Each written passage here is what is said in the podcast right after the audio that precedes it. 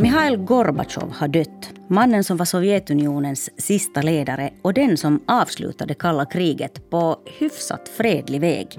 Man kan säga att han faktiskt ändrade världshistoriens gång.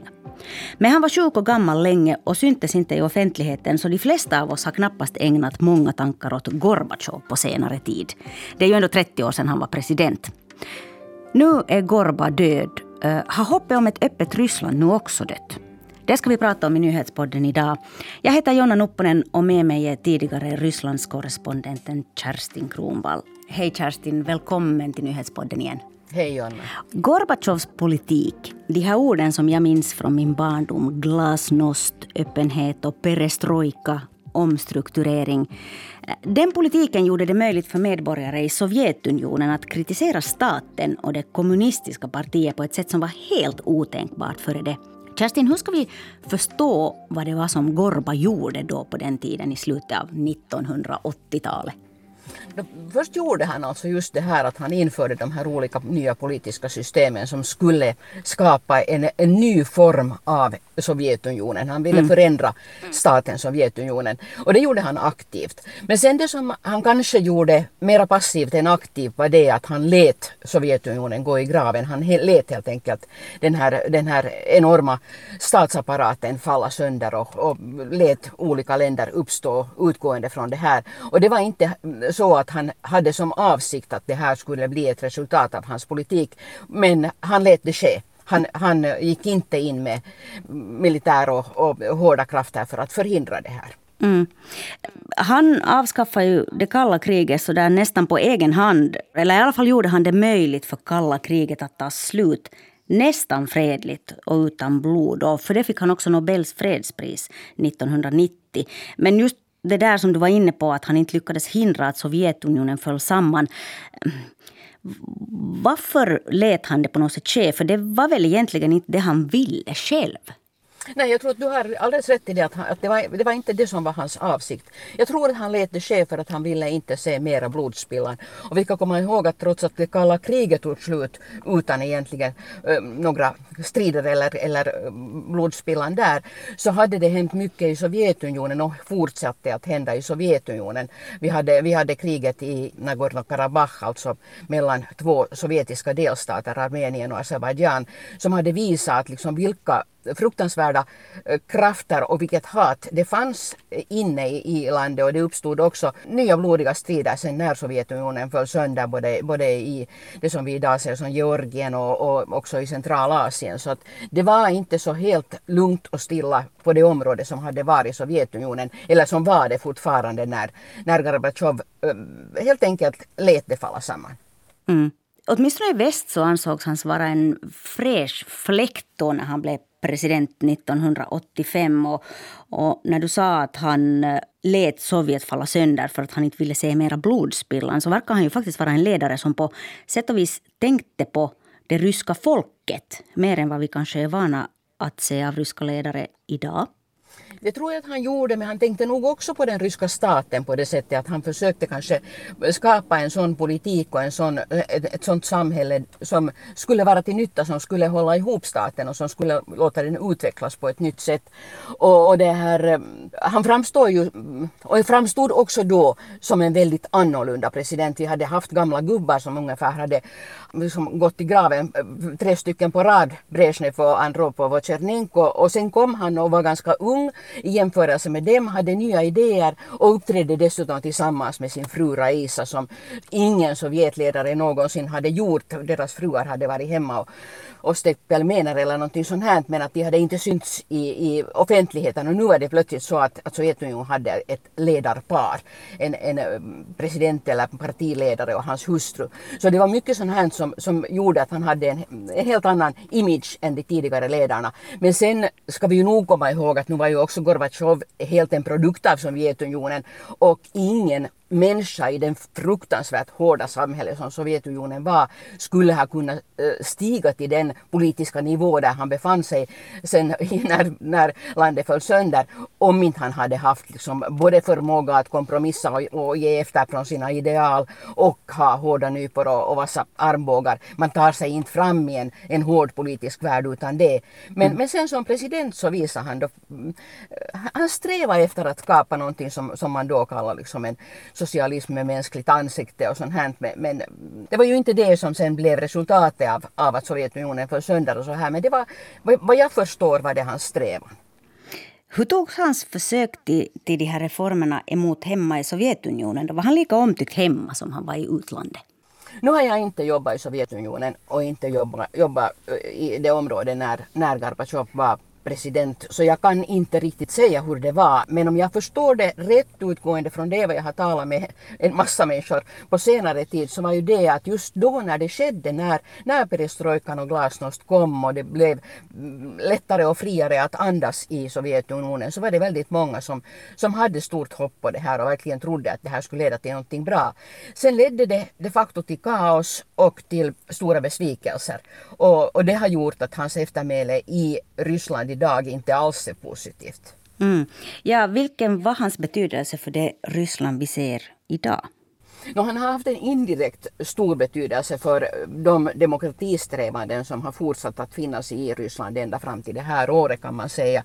Och det har han haft genom det att, att i och med att när han fick, fick Nobels fredspris, alltså en jättestor säck med pengar, så grundade han ett eget äh, institut som har arbetat med, med demokratiprojekt och haft en massa olika sådana seminarier och, och mm, forskare och allt möjligt sånt här knutna till sig. Men sen har han också Eh, finansiera bland annat den mycket välkända tidningen Novaja Gazeta som var en av de sista liksom, fria tidningar och vars, vars chefredaktör fick Nobels fredspris så sent som, som i fjol. Eh, och eh, sen finansierar han också till en del den oerhört viktiga och stora och, och verkligt betydelsefulla människorättsorganisationen Memorial vars eh, mål och uppgift och ändamål var att ta fram uppgifter om de som hade lidit under Sovjetunionens förtryck. Han var med också i andra sådana sammanhang där det gällde att finansiera verksamhet som, som eftersträvade eller försökte arbeta för en demokratisk utveckling i Ryssland. Allt det här har ju fallit sönder. Vi har sett det liksom falla samman under, under det här senaste året särskilt liksom väldigt starkt när, när både Novaja Gazeta har förbjudits och, och likaså människorättsorganisationen Memorial. Och, och jag har faktiskt många, många gånger under det här gångna året tänkt på, på Gorbatjov och nästan hoppats att han, att han inte skulle ha under sin sista tid varit så där väldigt närvarande i samhället. För att det, det måste ju ha varit en fruktansvärd besvikelse för en, för en gammal människa att säga att allt det han en gång trodde på ens och, och försökte sträva efter att det har fallit sönder och samman.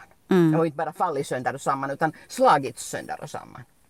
Så han har haft en ganska stor betydelse i Ryssland efter att Sovjet föll i och med de här sakerna som han kanske främst har finansierat. Då.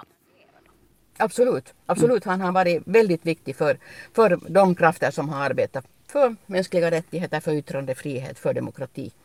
Hur har man pratat om honom i, i, i Ryssland då under den här tiden fram till nu? nu? Jag kan inte minnas att vi skulle ha pratat om Gorbatjov i väst så där särskilt mycket på mycket länge.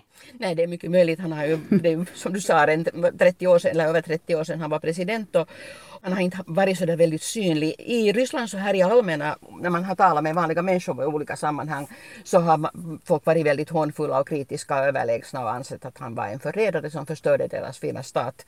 Så att hans eh, rykte i väst har haft ett helt annat skimmer än vad det har haft hemma i, i Ryssland. Han har, han har blivit ganska illa behandlad och jag hade ett helt sånt här konkret exempel. Jag minns väldigt starkt, det var så att jag var tillsammans med, med min väninna och ytterligare en person på teater i, i Moskva och eh, det råkade sig så att, att i samma föreställning kom Mihail Gorbatjov och hans dotter Irina. Och eh, vi råkade sitta på samma rad så att min väninna satt faktiskt bredvid Gorbatjov på teatern då. Men det som hände på teatern var att ingen människa reagerade. Och, och vi hade sett som oerhört många gånger i olika sammanhang på teatrar eller i konsertsalar eller i annan sammanhang att när, när någon kändis eller högpolitisk figur eller, eller populär skådespelare eller någon kom in i en sal så var det många som reste sig upp eller, eller man reagerade, man applåderade, man på något sätt liksom tog in den här människan i den här salen med, med hedersbetygelser absolut ingenting. Det var ingen som reagerade på att Gorbatjov kom, kom in i den här teatersalongen. Att det var, jag, jag minns väldigt starkt den här upplevelsen av den där tystnaden och den här liksom, eh, min uppriktiga överraskning över att, att han inte fick några hedersbetygelser där. Mm. Hur tas Mihail Gorbatjovs död emot i Ryssland?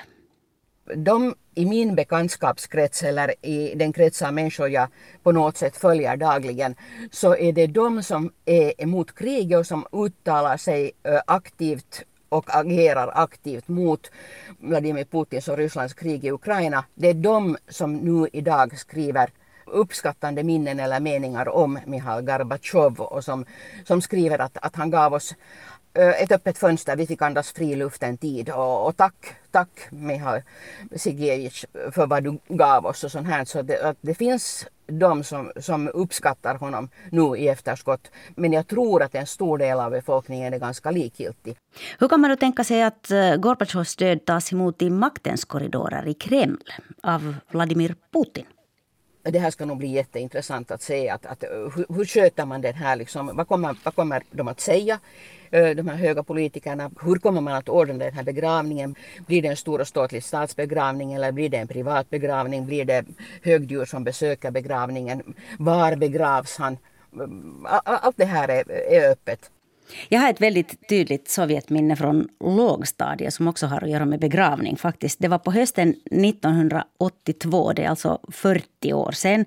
Eh, då hade en annan ännu äldre Sovjetledare dött, Leonid Brezhnev. Och vi, vi tvingades sitta i skolan och titta på hans begravning som direktsändes i finländsk tv hela dagen. Eh, sån var tiden då. Eh, Kerstin, vad är sannolikheten för något liknande idag? En direktsänd tv-begravning av ex-president Gorbatjov om inte kriget uh, i Ukraina eller Rysslands krig i Ukraina uh, skulle ha påverkat världsläget så mycket som det har gjort så är det ju mycket möjligt att, att också Yle idag skulle direkt sända, sända den här begravningen. Men uh, så där, ur, det politiska, ur det politiska livet och, och, och liksom ur Finlands perspektiv så är det här ju nog en enorm skillnad. Att, att det är ju inte så att vi idag i Finland anser att det är en stor händelse för vår uh, vårt land och vår utrikespolitik. Den här sovjetiska liksom, hur Sovjetunionen överskuggar Finland, så det finns ju inte mera. Och sen mm. är det ju väldigt intressant just att du tar upp den här, den här Brezhnevs död nu i samband med Gorbatjovs död, för att det var ju då Brezhnevs död nio år innan, innan Sovjetunionen föll sönder som egentligen möjliggjorde det att Sovjetunionen började falla sönder. Att Brezhnevs tid hade varit det fullständiga stillastående. Det hände absolut ingenting, inte ens asparna darrade i skogen.